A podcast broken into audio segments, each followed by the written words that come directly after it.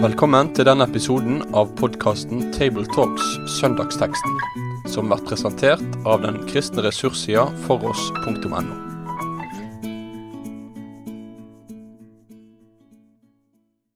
Hjertelig velkommen til en ny episode av Table Talks fra gruppen i Bergen. I studio sitter jeg, Tarjei Gilje, redaktør i avisen Dagen. Her sitter òg Rolf Kjøde, som er høyskolelektor ved NLA-høgskolen, og Jon Magne Sønstebø, som er prest i Delk. Rolf skal lese teksten for tolvte søndag i treenighetstiden fra Johannes evangeliet kapittel 4 vers 27 til 30 og 39 til 43. I det samme kom læresveinene hans. De undra seg over at han snakka med ei kvinne.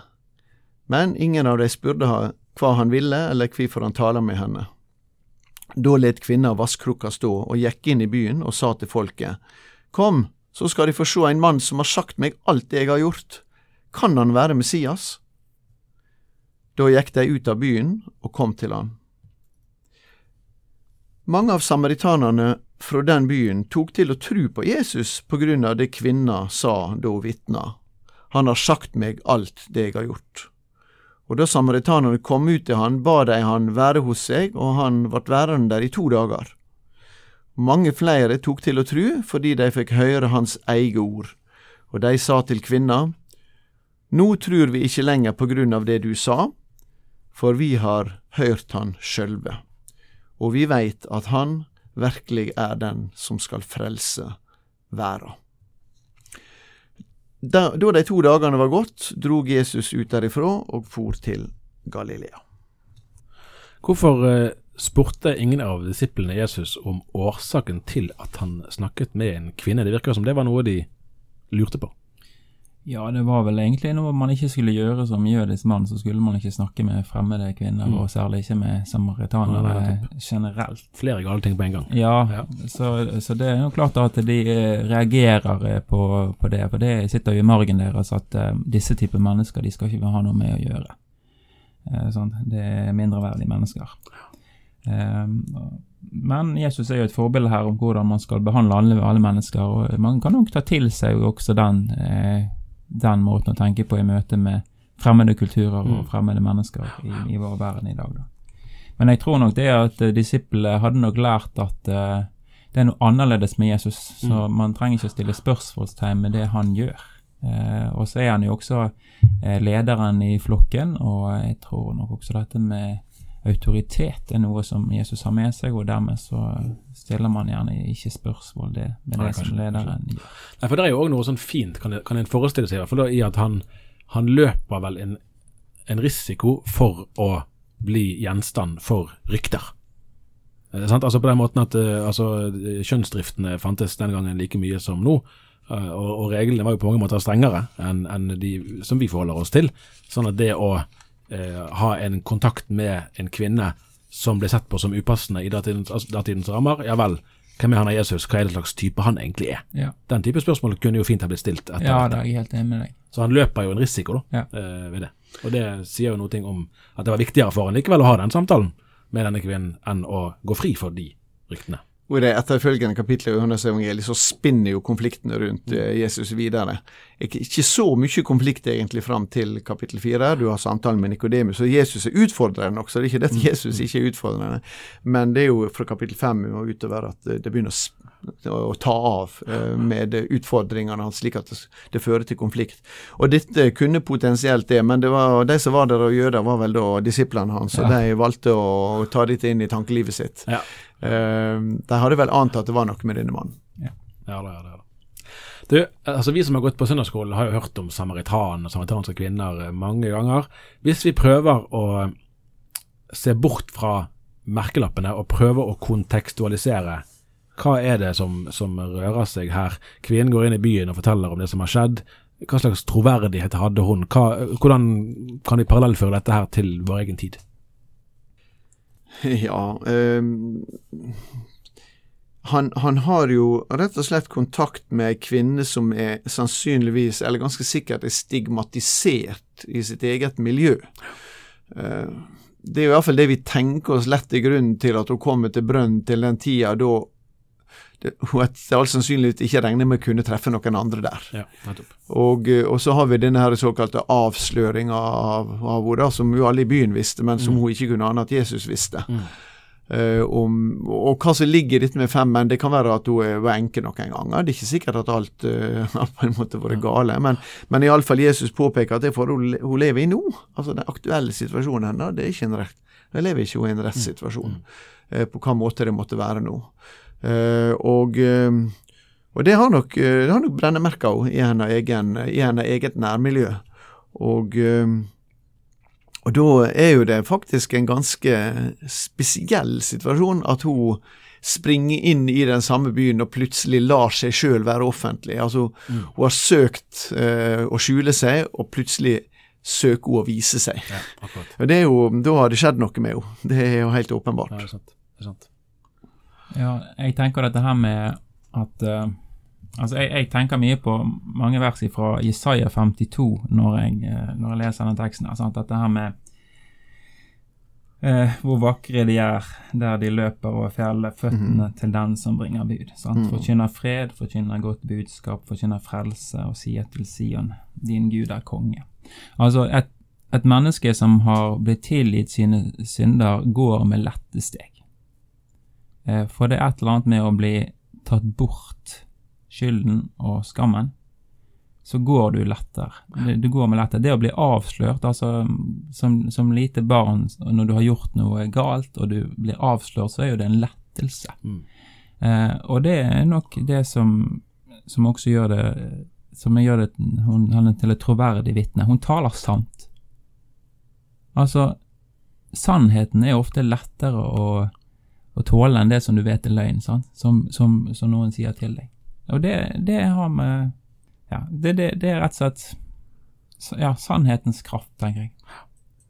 Det er jo alltid en, en risiko når vi står overfor Jesu fortellinger og fortellingene om Jesus, at, eh, at vi fortolker de i tråd med våre egne perspektiver. Sant? Og, og da kan jo det være en fare noen ganger for at man ender opp med, med det som har blitt kalt for social gospel, altså at, at Jesus blir en sånn politisk eh, reformator som skal gi rettferdighet til alle undertrykte, eh, og man mister eh, frelsesperspektivet og, og evighetsperspektivet. Her kan man jo tenke at eh, hun her kvinnen representerer alle stigmatiserte. Eh? Og så kan vi prøve å tenke ut hvem er det som, hvem er parallell til hun i dagens samfunn. Men jeg synes likevel det er interessant å prøve å tenke gjennom det, fordi at måten kirken i dag, oss inkludert, forholder seg til de som eh, tenker og tror annerledes enn oss sjøl, eller som på andre måter er underprivilegert eh, eller stigmatisert i samfunnet, eh, er vi, fremstår vi med Jesus sinnelag, eller helt motsatt? Eh, og for å kunne svare meningsfullt på det spørsmålet, må vi jo identifisere hvem er det dette ville gjelde, i så fall. Kan dere hjelpe meg litt med det? Altså, jeg har ikke lyst til å gå inn på den veien der. Eh, jeg tenker jo det at eh, alle sammen er denne kvinnen med brønnen. Hvis hele bygden din visste dine mørke hemmeligheter, hadde du da gått på kjøpesenter? Mm. Sant? Hadde du det? Hva du tenkte, hva du har gjort gjennom hele livet ditt. Du hadde holdt deg inne, og du hadde skrudd av mo mobilen. Det, det er det som er sannheten. Så de stigmatiserte, det er oss. Altså, Vi trenger ikke å leite etter syndere. Det sitter jo tre stykker i studio her. Sånn, så det, er- så det er nett, men det, det er nettopp faren med at man tenker Man skyver det bort. Man skyver det fra seg, og, så, og det skal ikke en predikant gjøre. En forkynner skal, skal tenke sånn at de som sitter i sal, enkeltmennesker der, trenger å høre disse ordene fra Jesus, trenger å være i sjelesorg hos Jesus. Det var det Øyvind Andersen sa ofte om, om en forkynnelse, at det er å ha mange mennesker i sjelesorg samtidig. Ja. Når du, når, fordi at de trenger det. Sant? Så det um, um, Ja, jeg tenker om det, da, men det, jo, men det er jo i grunnleggende sett enig i, naturligvis. Og, og, og vi må la Gudsordet ramme oss sjøl. Altså, vi, vi kan ikke drive og bare oversende det til andre. Det er jo en helt avgjørende bit, og jeg er helt enig med deg i. Og samtidig så er det noe med den som på en måte sosialt og i det ytre har eh, blitt tillagt et stigma, eh, har, eh, og har en særlig sårbarhet. Og der tenker jeg at troverdigheten til denne kvinna, du spurte om den troverdigheten hennes, ligger jo i det at uh, når de hører på, nå kommer springende til byen, og de hører på, for det er tydelig at de er, for de trodde på av hennes ord. Mm. Og det endra seg enda sterkere. Til slutt trodde de på av Jesu men de trodde først på fordi ordet hennes. De registrerte en forandring. og det tror jeg jo sjølve Det tror jeg som, vitnesbyrd betrakta, det er noen som registrerer en forandring. Og jeg har jo ofte tenkt på det at eh, Jeg har egentlig ikke tenkt at jeg skulle være vekke fra Jesus noen gang, men, men av og til har jeg tenkt meg når folk kunne stå, har forstått fram med noen saftige vitnesbyrd, at det skulle jeg også gjerne hatt, men jeg har det ikke. Eh, men da er jeg tilbake der som uh, Jon Magne er, naturligvis. At jeg, men jeg har ganske mange historier fra mitt indre liv og mitt daglige liv. eh, og, og oppdagelsen av at eh, det var mulig å bli tatt imot som en synder av en nådig Gud. Eh, og det, eh, det er jo kjempeviktig, da. Eh, men det er noen, og, og altså, Vi har jo det evangeliesenteret, ikke sant. Så er det jo er det noen som helt åpenbart for alle sosialt sett har kommet ut og kjøre. Og så ser vi når liv blir forandra, og så gir det et vitnesbyrd for oss. Og jeg, jeg vil snakke godt om det vitnesbyrdet.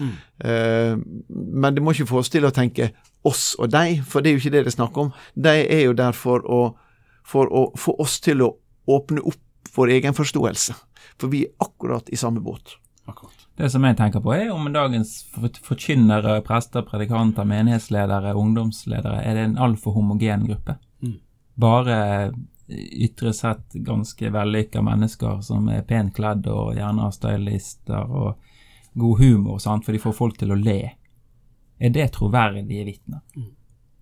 Eller er, er det, rekrutterer man kun én type mennesker som mestrer å stå på podiet, mestrer og bergtar, folk i salen, liksom, så de skal underholde med, med prekenen sin. Altså, er det troverdige vitner?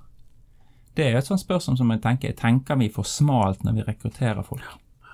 Er det bare de gode talerne som skal hentes inn til å være menighetsledere, til å, til å drive med forkynnelse?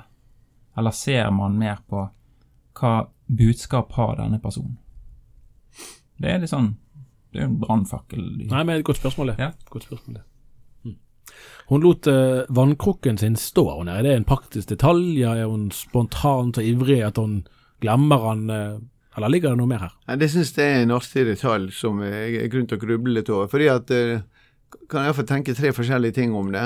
Jeg kan tenke at uh, nå var hun så oppi det at hun bare glemte det. Mm. Eh, og det sier noe om hennes engasjement, at det der ble ikke så viktig. Eh, det andre er at hun, lot henne stå der fordi jeg skal tilbake hit. Altså det er en markering av at eh, jeg er ikke ferdig med han. Nå skal jeg ha de andre ute. Den kan bare stå og vente. Den skal ikke sinke meg på vei inn til byen. Eh, men det tredje er jo det litt sånn johaneiske her, da. Eh, Johannes legger alltid noe under. Og er vi tilbake tidlig i samtalen her, der sier Jesus noe om at ja, ja, du må bare dra opp vann, tørst er nok, Mm. men der er et annet vann. Ja, Og er det det Johannes vil si noe ved å ta den detaljen og si det at hun hadde oppdaga det andre vannet? Eh, og jeg tror jo at det ligger der, da. Ja, At hun enig. oppdaga det andre vannet, det som Jesus snakket om, som gjorde at hun ikke ble tørst igjen. Jeg hadde jo selvfølgelig mye mer verdslig tolkning nå. Jeg tenkte det var sånn, sånn, sånn Sett fra et treningsperspektiv så må du ha minst mulig vekk når du skal løpe. Du skal løpe, ja. Jo jo, men det kan være både og, det. Men Johannes kan ha en baktanke Ja, med det, for det er typisk Johannes å ha sånne små. Så Litt litterært tilsnitt i teksten òg, ja. Ja. ja. Ja, det var flott. Kom og se en mann som har fortalt meg alt jeg har gjort, sier hun. Det er jo egentlig en sånn forunderlig utsagn, all den tid det ikke akkurat var noen skryteliste. Sånn at hun kommer inn liksom eh, foran da sine Altså de folkene som hun gjerne var litt redd for kontakt med, og det hun sier er at ja da, han har fortalt uh, ja, om alt jeg har gjort, rett og slett. Uh, hva slags effekt er det da Jesu ord har hatt på henne? Det kunne jo ha blitt en total eh, ydmykelsen. Hun kunne ha rømt til fjells, for alvor, for nå er det kanskje flere som skjønner hvem jeg er, og hva jeg har gjort. Det er kanskje første gang hun bekjenner dette. Det sant. Det taler sant om seg selv. Mm, Jeg mm. har gjort det. Altså, jeg er den skyldige. Sant? Eh, Men jeg tenker dette handler om eh, Det handler om tilgivelsens kraft igjen, som, som vi snakket om i sted. Ehm, Det er noe med det der med å merker det ofte i sjelesorg. Eh, sant? For du har denne følelsen i sjelesorg når folk går rundt grøten og ikke helt tør å si hva det er, sant. Så kan du liksom bare åpne litt, og da ja. Og det er en sånn lettelsessukk som folk sier når de, når de sier det, ja, det er det. Og så opplever de det at de blir ikke fordømt fordi at de sier dette, men de opplever at da rekkes tilgivelsen til dem, og så blir de fri. Sant? Så dette med, med tilgivelse, det Jeg tror det er altfor lite av det. Mm. Helt, for, det, for det første så tror jeg ikke folk tenker at de er syndere. Um, at de klarer seg ganske godt. Uh, folk tenker heller at jeg er deprimert eller har et eller annet problem. Uh, men så dette med synden, at det blir på en måte ikke en, noe som at, at, den byrden som de bærer, de blir ikke løst fra den. For det høres, tales lite om. Mm. Altså, veien til nåde går jo gjennom sannhet, og, den, det, det, er slik du settes fri, da. Uh, og uh, det, det, er jo det som, det som ligger Dette vet vi fra det, allm, allmennmenneskelige også. Sannheten. Jon Magne har påpekt dette her med, med barna, som uh, når det ble, de får satt ord på det som var galt, så, så settes de fri. Og slik er det egentlig med oss, også med oss som voksne. Og det er vel det som har skjedd med en kvinne. da. Det er noe som har uh, satt henne fri i møte med sannheten. Og så spør du om ja, det kunne jo like blitt, gjerne blitt en veldig sånn ydmykende situasjon. Nå er det både et negativt og et positivt ord, et med Ja, ydmyk, ja, fordi at den ydmyke gir han nåde. Men, men i den mer sånn uh, dårlige betydningen, Mm. ydmykende situasjon Jesus var ingen ydmykende person. Akkurat. Sant? Han, han kunne si sannhet, men ikke for å ydmyke. Mm. Og Det tror jeg nok de merka. Det var absolutt litt av hans autoritet at han, han gjorde det uten å ydmyke mennesker. Og Her må jo vi passe oss i forhold til noen søndager siden da vi hadde flis og bjelke og disse tinga her. Mm. Fordi at eh, der er vi i en annen situasjon enn Jesus. Eh, og, eh, og når vi har veiledning med mennesker som sliter med synd i sitt liv, så så møter de en annen synder, som sliter med noe annet kanskje i sitt liv. Men det er viktig i forkynnelsen og i sjelesorgen at det er elska syndere som snakker med elska syndere. Eh, og da blir det ikke det ydmykende på den samme måten. Viktig. viktig. Så er det jo noe flott eh, at hun her får lov til å være en tidlig teolog, da.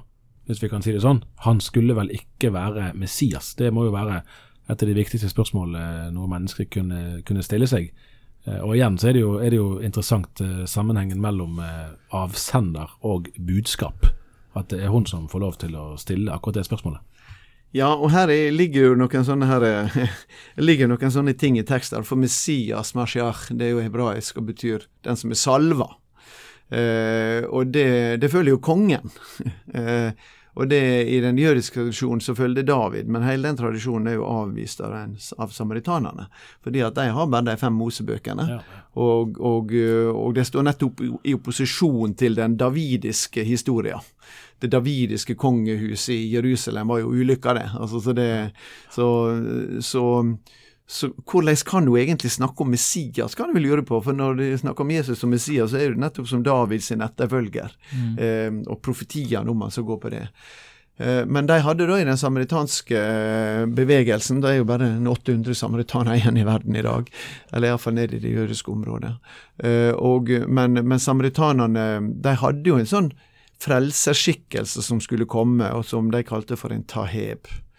Eh, Og det går tilbake til en profeti i 5. Mosebok, det 18. kapittelet, der Moses profeterer at det skal komme en profet som meg. Eh, Og det var den eneste som skulle komme.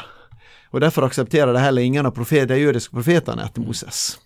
Eh, men de venta på han som skulle komme i den senere tida, den siste tida. da. Og gjenopprette tempelet på Garisim, altså dette fjellet i fjellhøyden i Samaria. Så ja, det er overraskende på en måte iallfall at Johannes her bruker Messias-ordet, men som er det mest kjente for oss, da, som kan ligge der også i dialogen mellom Jesus og hun, og at hun bare tar en overføring på det. Eh, men det er altså også en forventning hos samaritanerne på, på at det skulle komme en, en slik frelseskikkelse Og det interessante her er jo at hun identifiserer han. Eh, rett og slett. Eh, Eller, og folket identifiserer han til slutt. Nå veit vi at du virkelig er han som skal komme og frelse verden. Det er ganske sterkt. Ja, virkelig. Det virkelig. Eh, og i lys av samtalen med Jesus om å tilbe på Garizim og tilbe i Jerusalem, så Jesus avlyser hele greia. Eh, og her kommer de første fruktene av den forkynnelsen, så å si. Mm. De er ikke blant jødene, de blant samaritanerne.